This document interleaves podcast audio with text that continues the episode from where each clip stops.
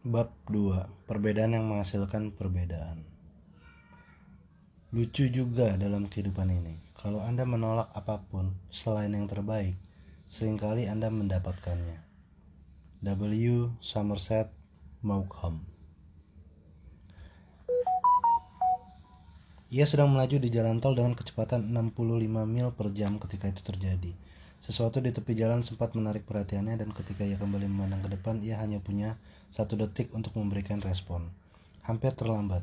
Truk Mac di depannya tiba-tiba saja berhenti. Seketika itu juga, dalam upayanya menyelamatkan nyawanya, ia jatuhkan motornya menggelincir yang nampaknya berlangsung selamanya. Dalam gerakan lamban yang menyengsarakan itu, ia menggelincir di bawah truk tersebut. Tutup tangki terbuka dan terjadilah yang paling buruk. Bensinnya tumpah dan terbakar. Begitu siuman, ia sudah berada di tempat tidur di rumah sakit. Kesakitan tak dapat bergerak, ketakutan bernafas. Tiga perempat tubuh penuh luka bakar stadium 3. Toh ia pantang menyerah. Ia berjuang hidup kembali dan melanjutkan karir bisnisnya. Tetapi lagi-lagi ia menderita hantaman keras. Kecelakaan pesawat yang membuatnya lumpuh. Dari pinggang ke bawah seumur hidup. Dalam kehidupan setiap pria dan wanita ada saat-saatnya ketika ia menghadapi tantangan paling hakiki. Saat ketika setiap sumber daya yang ada itu diuji saat ketika kehidupan tampaknya tidak adil. saat ketika iman kita, nilai-nilai kita, kesabaran kita, belas kasih kita, kemampuan kita untuk bertekun, semuanya didesak melampaui batas. Ada orang yang menggunakan ujian-ujian seperti ini sebagai peluang untuk menjadi individu lebih baik. Ada juga yang membiarkan pengalaman-pengalaman hidup seperti ini menghancurkannya. Pernahkah Anda bertanya-tanya, apa yang menciptakan perbedaan dalam cara manusia menanggapi tantangan-tantangan kehidupan? Saya pernah. Sebagian besar kehidupan saya terpesona oleh apa yang memicu manusia untuk berperilaku seperti itu. Sehingga saya, saya sedari dulu terobsesi untuk menemukan apa yang membedakan pria dan wanita tertentu dari yang lain. Apa sih yang menciptakan seorang pemimpin, seorang peraih prestasi? Kok bisa sih demikian banyak orang di dunia ini yang hidup demikian sukacita terlepas dari hampir setiap kesusahan, sementara yang lain yang tampaknya mempunyai segalanya hidup melangsa malah depresi. Izinkan saya menceritakan kisah seorang lainnya. Dan marilah kita perhatikan perbedaan di antara keduanya. Kehidupan in, orang ini tampaknya jauh lebih cerah. Ia seorang penghibur yang luar biasa kaya, sangat berbakat dengan penggemar banyak sekali. Di usia 20 tahun dia sudah menjadi anggota termuda dari kelompok komedi Second City yang terkenal di Chicago. Hampir seketika ia menjadi bintang. Segera menjadi hit teater di New York. Ia menjadi salah seorang bintang televisi yang sukses besar di tahun 70-an. Lalu ia menjadi sa salah seorang bintang film paling top di negara ini. Ia bercabang ke musik dan menikmati sukses seketika yang sama di sana. Ia mempunyai lusinan teman yang mengaguminya. Pernikahan yang baik, rumah mengagumkan di New York City, dan Martha's Vineyard. Tampaknya ia mempunyai segala yang mungkin diminta seseorang. Menjadi ma yang manakah dari keduanya yang Anda pilih? Sungguh sulit membayangkan. Seseorang memilih menjadi yang pertama daripada yang kedua. Tapi izinkan saya menceritakan tentang keduanya. Yang pertama adalah seorang paling vital, paling kuat, dan paling sukses yang saya kenal namanya W. Mitchell. Ia masih hidup dan tinggal di Colorado. Semenjak kecelakaan motor yang mengerikan itu, ia tetap mengecap sukses dan sukacita lebih besar daripada yang dikecap kebanyakan orang seumur hidup. Ia telah mengembangkan hubungan-hubungan pribadi yang fenomenal dengan beberapa orang paling berpengaruh di Amerika. Ia telah menjadi jutawan dalam bisnis. Ia bahkan sempat mencalonkan diri dalam kongres terlepas dari fakta bahwa wajahnya cacat. Slogan kampanyenya, Pilihlah saya dalam kongres, maka saya tidak akan menjadi sekedar satu lagi wajah tampan. Sekarang ini, ia menjalin hubungan yang sangat mengagumkan dengan seorang wanita yang sangat istimewa. Dan ia senang berkampanye untuk Letnan Gubernur Colorado pada tahun 1986. Orang kedua adalah seorang yang Anda kenal baik. Seorang yang mungkin telah membawakan banyak kesenangan dan sukacita bagi Anda namanya John Belushi. Dia adalah salah seorang komedian paling dikagumi di zaman kita dan salah satu kisah sukses besar dalam dunia hiburan tahun 70-an. Belushi mampu memperkaya tak terhitung banyaknya kehidupan, kecuali kehidupannya sendiri. Ketika ia meninggal di usia 33 tahun karena apa yang oleh dokter jantung disebut sebagai keracunan akut akibat ganja dan narkotik. Tidak banyak yang mengenalnya itu heran. Pria yang mempunyai segalanya ini telah menjadi pecandu obat-obatan yang tak terkendali jauh melampaui usianya. Secara eksternal ia mempunyai segalanya, secara internal ia sudah bertahun-tahun hampa. Kita selalu melihat contoh-contoh serupa. Pernah mendengar tentang Pete Strutwick dilahirkan tanpa lengan dan tanpa kaki. Ia belakangan menjadi pelari maraton yang telah lari 25.000 mil. Renungkanlah kisah Helen Keller yang mencengangkan itu. Dan renungkanlah Candy Lighter, pendiri Mothers Against Drug, Drunk Driving. Ia ambil suatu strategi, strategi tragedi menyedihkan, yaitu kematian putrinya ditabrak pengemudi mabuk. Dan membentuk organisasi yang mungkin telah menyelamatkan ratusan mungkin ribuan nyawa. Di ekstrem lainnya, renungkanlah orang-orang seperti Marilyn Monroe, Ernest Hemingway, orang-orang yang meraih sukses mengagumkan tapi ujung-ujungnya menghancurkan diri mereka sendiri. Jadi coba saya tanya, apa sih perbedaan antara yang punya dengan yang tidak punya? Apa sih perbedaan antara yang bisa dengan yang tidak bisa? Apa sih perbedaan antara yang berbuat dengan yang tidak berbuat? Mengapa sih sementara orang berhasil mengatasi kesusahan mengerikan yang tak terbayangkan, dan menjadikan kehidupannya suatu kemenangan sementara yang lain terlepas dari segala keunggulannya mengubah kehidupannya menjadi bencana mengapa sih sementara orang mengambil pengalaman apa pun dan menjadikannya efektif bagi mereka sementara yang lain mengambil pengalaman apa pun dan menjadikannya menentang mereka apa sih perbedaan antara W. Mitchell dengan John Belushi apa sih perbedaan yang menghasilkan perbedaan dalam kualitas kehidupan saya telah seumur hidup terobsesi dengan pertanyaan itu Ketika beranjak dewasa saya melihat orang-orang punya kekayaan besar dari segala jenis jabatan yang hebat, hubungan-hubungan yang mengagumkan dan fisik yang berkembang baik. Saya ingin tahu apa yang membuat kehidupan mereka begitu berbeda dari kehidupan saya dan kehidupan teman-teman saya. Perbedaan yang ujung-ujungnya adalah dalam cara kami berkomunikasi dengan diri sendiri dan tindakan-tindakan yang kami ambil. Apakah yang kita perbuat ketika telah mencoba segalanya sebisa kita, tapi segalanya tetap saja tidak beres. Orang yang sukses tidaklah mempunyai masalah lebih sedikit daripada orang gagal. Satu-satunya orang yang tidak mempunyai masalah adalah orang yang telah dikubur. Bukan apa yang terjadi kepada kita yang membedakan pecundang dari orang sukses, melainkan bagaimana kita mempersepsikan apa yang terjadi kepada kita itu dan apa yang kita perbuat tentang apa yang terjadi itulah yang menghasilkan perbedaannya. Ketika W. Mitchell mendapatkan informasi dari tubuhnya bahwa 3 per 4 tubuhnya menderita luka bakar stadium 3, ia mempunyai pilihan untuk menafsirkan informasi tersebut. Makna kejadian itu bisa jadi bisa saja menjadi alasan untuk mati, untuk berkabung, untuk apa pun yang ia ingin komunikasikan. Tetapi ia memilih untuk tetap secara konsisten berkomunikasi dengan diri sendiri bahwa pengalaman itu telah terjadi bukannya tanpa maksud.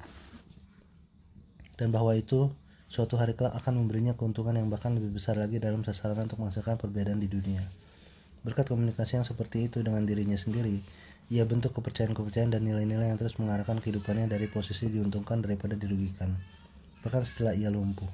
Bagaimana Pete Strutwich berhasil ikut Pikes Peak, maraton paling sulit di dunia itu, padahal ia tidak punya tangan dan tidak punya kaki. Sederhana saja, ia kuasai komunikasi dengan dirinya sendiri. Ketika indranya memberikan signal yang duluan yang dulunya ditafsirkan sebagai rasa sakit, sebagai keterbatasan, sebagai kelelahan, ia ubah label maknanya dan terus berkomunikasi dengan sistem syarafnya dengan cara yang mendorongnya terus berlari. Segalanya tidaklah berubah, kita sendirilah yang berubah. Henry David Thoreau Yang selalu membuat saya penasaran adalah bagaimana spesifiknya orang menghasilkan hasil-hasil. Dulu, saya sadar bahwa sukses itu meninggalkan petunjuk-petunjuk. Bahwa orang yang menghasilkan hasil-hasil luar biasa itu melakukan hal-hal spesifik untuk menciptakan hasil-hasil tersebut saya sadar bahwa tidaklah cukup sekadar mengetahui bahwa W. Mitchell atau Pete Strutwig itu berkomunikasi dengan diri sendiri dengan cara yang menghasilkan hasil-hasil. Saya harus tahu bagaimana spesifiknya mereka melakukan itu. Saya percaya bahwa seandainya saya secara persis menduplikasikan tindakan-tindakan sesama, saya bisa mereproduksikan kualitas hasil-hasil yang sama seperti mereka. Saya percaya bahwa seandainya saya menabur, saya juga akan menuai. Dengan kata lain, seandainya ada seorang yang bisa berbelas kasih, bahkan di dalam kehidupan yang paling susah pun saya bisa menemukan strateginya. Bagaimana ia memandang segalanya, bagaimana ia gunakan tubuhnya dalam situasi-situasi seperti itu. Dan saya pun bisa menjadi lebih berbelas kasih. Seandainya seorang pria dan seorang wanita telah mengembangkan pernikahan yang sukses di, di mana selama 25 tahun mereka masih saling mencintai satu sama lain. Saya bisa mencari tahu tindakan apa saja yang telah mereka ambil, kepercayaan apa yang mereka punyai, yang menciptakan hasil tersebut dan saya bisa mengambil tindakan-tindakan dan keputusan-keputusan tersebut dan menghasilkan hasil-hasil serupa dalam hubungan-hubungan saya sendiri. Dalam kehidupan saya, saya telah menghasilkan hasil berupa luar biasa kelebihan berat badan. Saya mulai menyadari bahwa saya tinggal mencontoh orang-orang yang kurus, mencari tahu apa yang mereka makan, bagaimana mereka makan, apa yang mereka pikirkan, apa yang apa saja kepercayaan mereka dan saya bisa menghasilkan hasil serupa. Demikianlah, saya berhasil menurunkan 30 pon. Saya lakukan hal yang sama di bidang keuangan dan dalam hubungan-hubungan pribadi saya, maka saya pun memulai upaya saya untuk mencontoh kesempurnaan pribadi. Dan dalam upaya saya sendiri meraih kesempurnaan, saya pelajari setiap cara yang bisa saya temukan. Lalu saya temukan ilmu pengetahuan yang dikenal sebagai Neuro Linguistic Programming atau singkatnya NLP. Kalau Anda menganalisanya, namanya berasal dari neuro yang mengacu kepada otak dan linguistik yang mengacu pada bahasa. Programming artinya pemasangan sebuah rencana atau prosedur. NLP adalah studi tentang bagaimana bahasa baik lisan maupun nulisan mempengaruhi sistem syaraf kita. Kemampuan kita untuk melakukan apa pun dalam kehidupan ini adalah didasarkan pada kemampuan kita untuk mengarahkan sistem syaraf kita sendiri. Mereka yang mampu menghasilkan hasil luar biasa melakukan dengan menghasilkan komunikasi yang spesifik kepada dan lewat sistem syarafnya. NLP mempelajari bagaimana orang berkomunikasi dengan diri sendiri dengan cara-cara menghasilkan kondisi-kondisi banyak akal yang optimal dan oleh karena yang menciptakan jumlah pilihan perilaku terbanyak. Nama Neuro Linguistic Programming walaupun merupakan istilah yang akurat tentang ilmu pengetahuan ini Mungkin juga bertanggung jawab atas fakta bahwa Anda mungkin belum pernah mendengar sebelumnya. Dulu ini terutama diajarkan kepada para ahli terapi dan sejumlah kecil eksekutif bisnis yang beruntung. Ketika saya pertama kali diekspos terhadap ilmu pengetahuan ini, saya langsung menyadarinya sebagai sesuatu yang sangat beda dari apa pun yang pernah saya alami sebelumnya. Saya amati seorang praktisi NLP menangani seorang wanita yang telah menjalani terapi selama lebih dari 3 tahun untuk mengatasi respon fobianya. Dan dalam waktu kurang dari 45 menit, ia tidak lagi mengalami fobia. Saya langsung tertarik. Saya harus mengetahui segalanya. NLP memberikan kerangka keras sistematis untuk mengarahkan otak kita sendiri. Ini mengajari kita bagaimana caranya mengarahkan bukan saja kondisi dan perilaku kita, melainkan juga kondisi dan perilaku sesama. Singkatnya, inilah ilmu pengetahuan tentang bagaimana caranya mengelola otak Anda dengan cara yang optimal untuk menghasilkan hasil-hasil yang Anda inginkan. NLP memberikan apa yang persis saya cari-cari, ia memberikan kunci untuk membuka misteri tentang bagaimana orang tertentu mampu secara konsisten menghasilkan apa yang saya sebut hasil-hasil optimal. Kalau orang lain bisa bangun pagi, hari, cepat, mudah, dan serta penuh energi, itulah hasil yang mereka hasilkan. Pertanyaan berikutnya adalah bagaimana mereka menghasilkannya. Ketika tindakan adalah sumber dari segala hasil tindakan mental atau fisik spesifik, apa saja yang menghasilkan proses neurofisiologis berupa bangun tidur dari tidur dengan cepat dan mudah, salah satu asumsi NLP adalah bahwa kita semua mempunyai neurologi yang sama. Jadi kalau seorang bisa melakukan apa pun di dunia ini, Anda pun bisa. Kalau Anda kelola sistem syaraf Anda dengan cara yang sama persis. Proses menemukan apa persisnya dan spesifik yang orang lakukan untuk menghasilkan hasil spesifik tersebut disebut mempelajari model. Seringkali intinya adalah bahwa kalau ini mungkin bagi orang lain di dunia, ini juga mungkin bagi Anda. Ini bukanlah soal apakah Anda bisa menghasilkan hasil-hasil yang dihasilkan orang tersebut, melainkan soal strategi, bagaimanakah orang itu menghasilkan hasil-hasil. Kalau seseorang menjadi pengeja yang hebat, ada cara untuk mencontohnya sehingga Anda pun bisa menjadi pengeja yang hebat dalam waktu 4 atau 5 menit saja. Akan Anda pelajari strategi ini. Kalau seorang yang Anda kenal berkomunikasi dengan sempurna dengan anaknya, Anda pun bisa melakukan hal yang sama. Kalau seorang mudah bangun dengan cepat di waktu pagi, Anda pun bisa. Tentu saja bagaimana orang lain mengarahkan sistem syaraf mereka. Jelas bahwa ada tugas yang lebih rumit daripada yang lain dan mungkin membutuhkan waktu lebih lama untuk dicontoh dan diduplikasikan. Tapi kalau Anda mempunyai hasrat dan kepercayaan yang cukup untuk mendukung Anda, sementara Anda terus menyusahkan diri dan berubah, boleh dikata apa pun dilakukan manusia mana pun bisa dicontoh. Dalam banyak kasus, seorang mungkin saja telah menghabiskan bertahun-tahun mencoba-coba untuk menemukan cara spesifik untuk menggunakan tubuh dan pikirannya menghasilkan suatu hasil. Tapi Anda bisa masuk, mencontoh tindakan-tindakan yang membutuhkan waktu bertahun-tahun untuk disempurnakan, dan menghasilkan hasil-hasil berupa serupa dalam hitungan bulan atau setidaknya dalam waktu yang lebih jauh lebih singkat daripada yang dihabiskan orang yang hasil-hasil yang ingin Anda duplikasikan itu. Dua orang yang terutama bertanggung jawab atas NLP adalah John Grinder dan Richard Bandler. Grinder adalah seorang ahli bahasa, salah seorang yang paling terkemuka di dunia. Bandler adalah seorang ahli matematik, ahli terapi gestalt, dan pakar komputer. Keduanya memutuskan untuk menggabungkan talenta mereka untuk sebuah tugas unik mempelajari model orang-orang terbaik di bidang apa pun yang mereka tekuni. Mereka cari orang-orang yang paling efektif menciptakan apa yang mereka ingin kebanyakan, yaitu perubahan. Mereka pelajari pengusaha-pengusaha sukses, ahli terapi sukses, dan yang lainnya untuk menyaring pelajaran dan pola yang telah ditemukan orang-orang tersebut lewat bertahun-tahun coba-coba. Bandler dan Grindler Grinder paling dikenal karena sejumlah pola intervensi perilaku yang efektif yang telah mereka kodifikasi dalam mempelajari model Dr. Milton Erickson, salah seorang ahli terapi hipnotis terbesar yang pernah hidup Virginia Satir, seorang ahli terapi keluarga yang luar biasa. Gregory Bateson, seorang antropolog.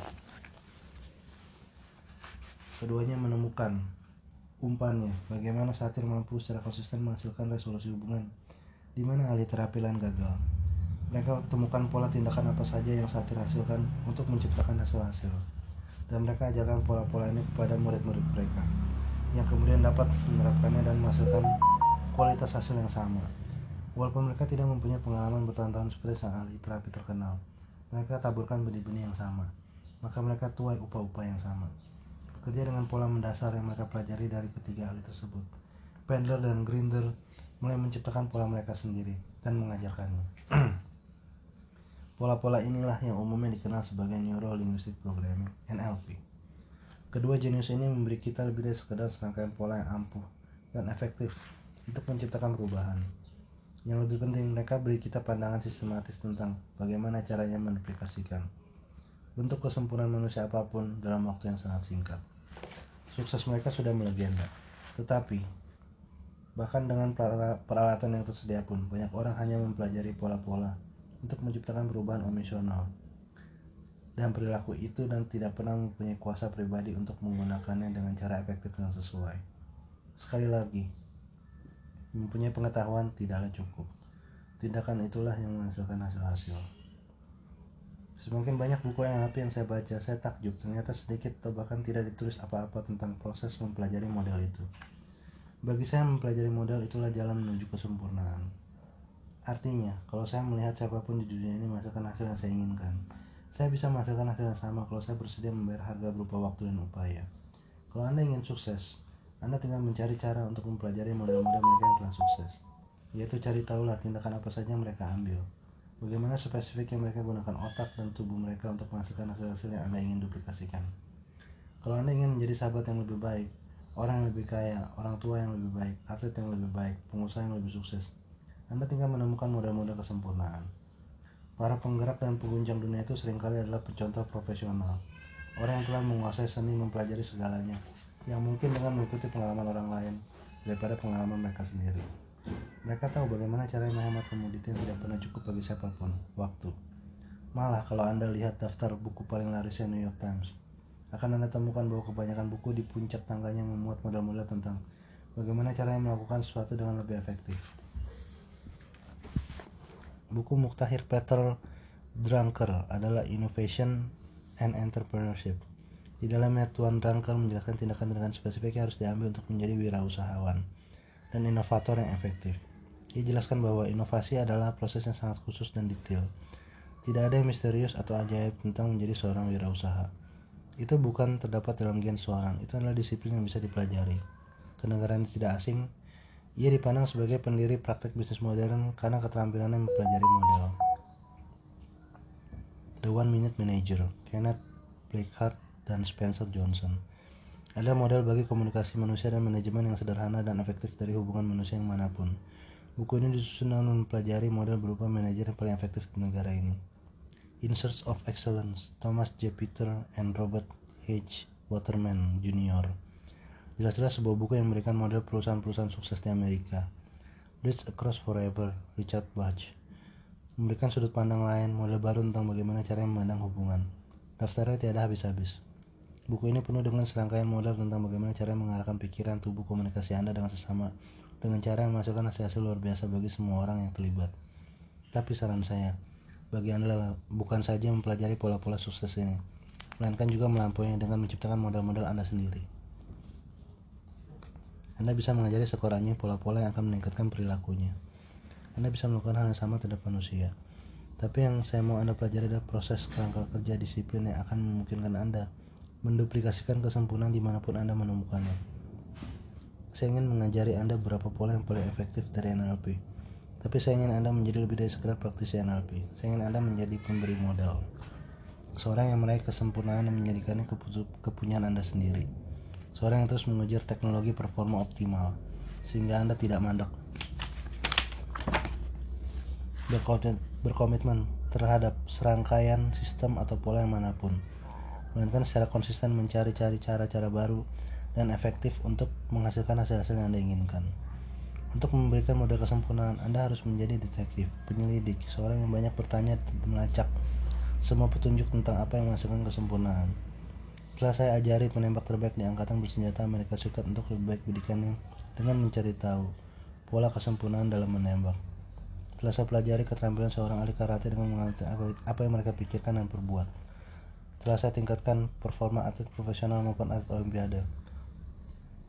Saya melakukannya dengan menemukan cara untuk secara persis mencontoh apa yang dilakukan mereka ketika mereka menghasilkan hasil-hasil terbesar lalu menunjukkan kepada mereka bagaimana, bagaimana mereka bisa memicu performa-performa itu sesuai aba-aba.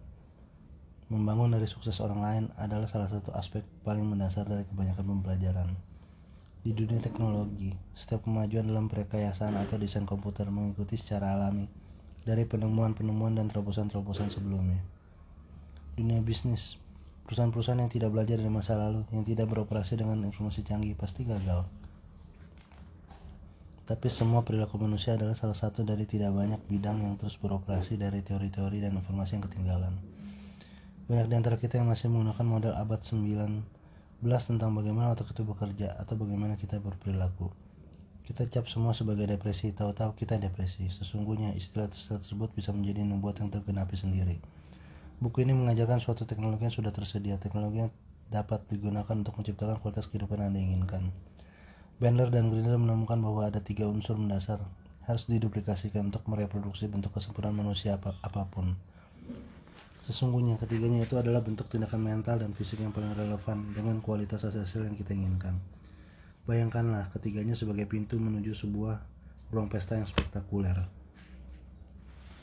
Pintu pertama mewakili sistem kepercayaan seseorang. Apa yang dipercaya seseorang, apa yang dianggapnya mungkin atau tidak mungkin, hingga tingkatan yang besar menentukan apa yang bisa dan tidak bisa dikerjakannya. Ada pepatah lama mengatakan, Entah Anda percaya Anda bisa mengerjakan suatu atau percaya Anda tidak bisa mengerjakan suatu, Anda benar. Hingga tingkatan tertentu itu benar, sebab ketika Anda tidak percaya Anda bisa mengerjakan sesuatu, Anda terus mengirimkan kepada sistem syaraf Anda pesan yang membatasi dan menghapuskan kemampuan Anda untuk menghasilkan hasil tersebut. Kalau sebaliknya, Anda secara konsisten menyampaikan kepada sistem syaraf Anda pesan yang sesuai yang mengatakan bahwa Anda bisa mengerjakan sesuatu, maka pesan itu menyediakan otak Anda untuk menghasilkan hasil yang Anda inginkan. Nah, itu membuka kemungkinan untuk itu. Jadi kalau Anda bisa mempelajari model sistem kepercayaan seorang, Anda telah mengambil langkah pertama menuju bertindak seperti orang tersebut. Sehingga menghasilkan hasil yang serupa. Akan kita pelajari sistem kepercayaan ini. Pintu kedua yang harus dibuka adalah sintaks mental seseorang. Sintaks mental adalah cara orang mengorganisasikan pikirannya. Sintaks itu ibarat kode. Ada tujuh digit dalam nomor telepon. Tetapi Anda harus menekannya dengan urutan yang tepat untuk menghubungi orang yang tepat. Demikian pulanya hal yang mencapai otak dan sistem syaraf Anda, yang paling efektif membantu Anda mencapai hasil yang Anda inginkan. Demikian pula lah halnya dengan komunikasi. Seringkali orang tidak berkomunikasi baik satu sama lain karena masing-masing menggunakan kode yang berbeda-beda. Sintaks mental yang berbeda-beda, bukalah kodenya. Maka Anda melalui pintu kedua dalam mempelajari model kualitas terbaik seseorang. Pintu ketiga adalah fisiologi. Pikiran dan tubuh adalah sepenuhnya berhubungan cara Anda menggunakan fisiologi Anda, cara Anda bernafas, postur tubuh Anda, ekspresi wajah Anda, sifat, dan kualitas gerakan-gerakan Anda betul-betul menentukan kondisi Anda. Jadi kondisi Anda akan menentukan cakupan dan kualitas perilaku yang mungkin Anda hasilkan. Kita akan membahas fisiologi lebih lanjut. Sebetulnya, kita terus-menerus mempelajari model. Bagaimanakah seorang anak belajar bicara? Bagaimana seorang atlet muda belajar dari yang lebih tua? Bagaimana seorang yang bercita-cita menjadi pengusaha memutuskan untuk menstruktur perusahaannya. Berikut adalah contoh mempelajari modal sederhana dari dunia bisnis. Suatu cara banyak orang mendapatkan banyak uang di dunia ini adalah lewat apa yang saya sebut lag atau perbedaan waktu. Kita tinggal di kebudayaan yang cukup konsisten sehingga apa yang efektif di suatu tempat akan sering kali juga efektif di tempat lain. Kalau seorang telah mendirikan bisnis sukses menjual kue coklat di sebuah mall di Detroit, Kemungkinan besar bisnis serupa bisa sukses di mall di Dallas. Kalau seorang di Chicago mengelola bisnis yang menyediakan orang-orang berkostum mencolok untuk menyampaikan pesan-pesan, kemungkinan besar hal serupa bisa efektif di Los Angeles atau New York. Yang diperbuat banyak orang untuk sukses dalam bisnis adalah menemukan sesuatu yang efektif di suatu kota, lalu melakukan hal yang sama tempat lain, sebelum perbedaan waktunya habis. Anda tinggal mengambil suatu sistem yang telah terbukti dan menduplikasikannya, dan mungkin lebih baik lagi meningkatkannya. Orang yang melakukan ini boleh dikata dijamin sukses. Contoh terbesar di dunia adalah bangsa Jepang. Apa sih yang berada di balik mujizat menyilaukan perekonomian bangsa Jepang ini? Apakah inovasi brilian? Kadang-kadang sih. Tapi kalau saja Anda periksa sejarah industri selama 20 tahun terakhir, akan Anda temukan bahwa sangat sedikit dari produk-produk baru atau kemajuan teknologi utama itu dimulai di Jepang. Bangsa Jepang tinggal mengambil ide-ide dan produk-produk yang dimulai di sini. Dimulai dari mobil hingga semikonduktor dan lewat mempelajari model secara teliti, mereka mempertahankan unsur-unsur terbaiknya dan mereka tingkatkan kelebihannya. Orang dianggap banyak orang paling kaya di dunia adalah Adnan Muhammad Khashoggi. Kok bisa? Sederhana saja, ia mempelajari model Rockefeller, Morgan, dan tokoh-tokoh kaya lainnya. Ia baca segala yang mungkin tentang orang tersebut. Ia pelajari kepercayaan mereka dan ia pelajari model strategi-strategi mereka. Mengapa W. Mitchell mampu bukan saja bertahan hidup melainkan juga makmur? Setelah pengalaman yang mencurkan seperti itu ketika ia adalah rumah sakit, teman-teman membacakannya tentang orang-orang yang telah mengatasi hambatan-hambatan besar. Ia mempunyai model kemungkinan, model positif tersebut lebih kuat daripada pengalaman negatif dialami. Perbedaan antara mereka yang sukses dengan gagal bukanlah apa yang mereka punya, melainkan apa yang mereka pilih lihat dan perbuat dengan sumber-sumber dari mereka dan pengalaman-pengalaman hidup mereka. Lewat proses mempelajari model yang sama, saya mulai mendapatkan hasil-hasil langsung bagi diri sendiri maupun sesama. Saya terus mencari pola-pola berpikir dan bertindak lainnya menghasilkan hasil-hasil luar biasa dalam waktu singkat. Saya sebut gabungan pola-pola ini teknologi performa optimal. Strategi-strategi inilah yang membentuk isi buku ini. Tapi saya ingin menjelaskan sesuatu. Sasaran saya, hasil saya bagi Anda, bukanlah hanya Anda kuasai pola-pola yang saya gambarkan di sini. Yang perlu Anda lakukan adalah mengembangkan pola-pola Anda sendiri, strategi-strategi Anda sendiri. John Grinder mengajari saya untuk tidak pernah terlalu mempercayai apa pun.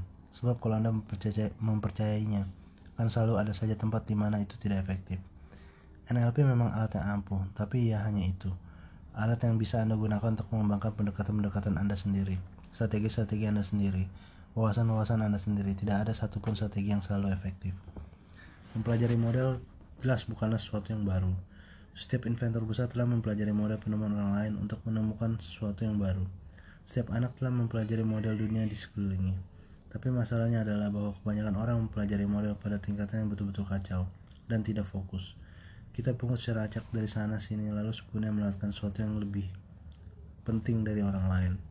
Kita pelajari model sesuatu yang baik di sini sekaligus sesuatu yang buruk di sana. Kita berupaya mempelajari model seorang yang kita hormati. Tapi kita temukan ternyata kita tidak betul-betul mengetahui bagaimana cara melakukan apa yang ia lakukan. Perjumpaan kesiapan dengan peluang itulah yang melahirkan anak yang kita sebut kemujuran. Anthony Robbins Anggaplah ini buku panduan untuk secara sadar mempelajari modal dengan presisi lebih tinggi. Peluang bagi Anda untuk menjadi sadar akan sesuatu yang sudah dari dulu Anda lakukan dalam kehidupan Anda. Ada sumber-sumber daya dan strategi-strategi fenomenal di sekeliling Anda. Tantangan saya bagi Anda adalah, mulailah berpikir seperti seseorang yang mempelajari model, terus menyadari pola-pola dan tipe-tipe tindakan yang menghasilkan hasil luar biasa. Kalau seseorang mampu melakukan sesuatu yang luar biasa, pertanyaan langsung yang seharusnya muncul di benak Anda adalah, bagaimana ia menciptakan hasil itu. Mudah-mudahan Anda terus mencari kesempurnaan, keajaiban dalam segala yang Anda lihat dan belajar bagaimana itu dihasilkan. Sehingga Anda bisa menciptakan hasil-hasil yang sama setiap kali Anda menginginkannya. Hal berikut yang akan kita telah adalah apa yang menemukan apa yang menentukan respon-respon kita terhadap berbagai keadaan dalam kehidupan. Marilah kita pelajari studi kita.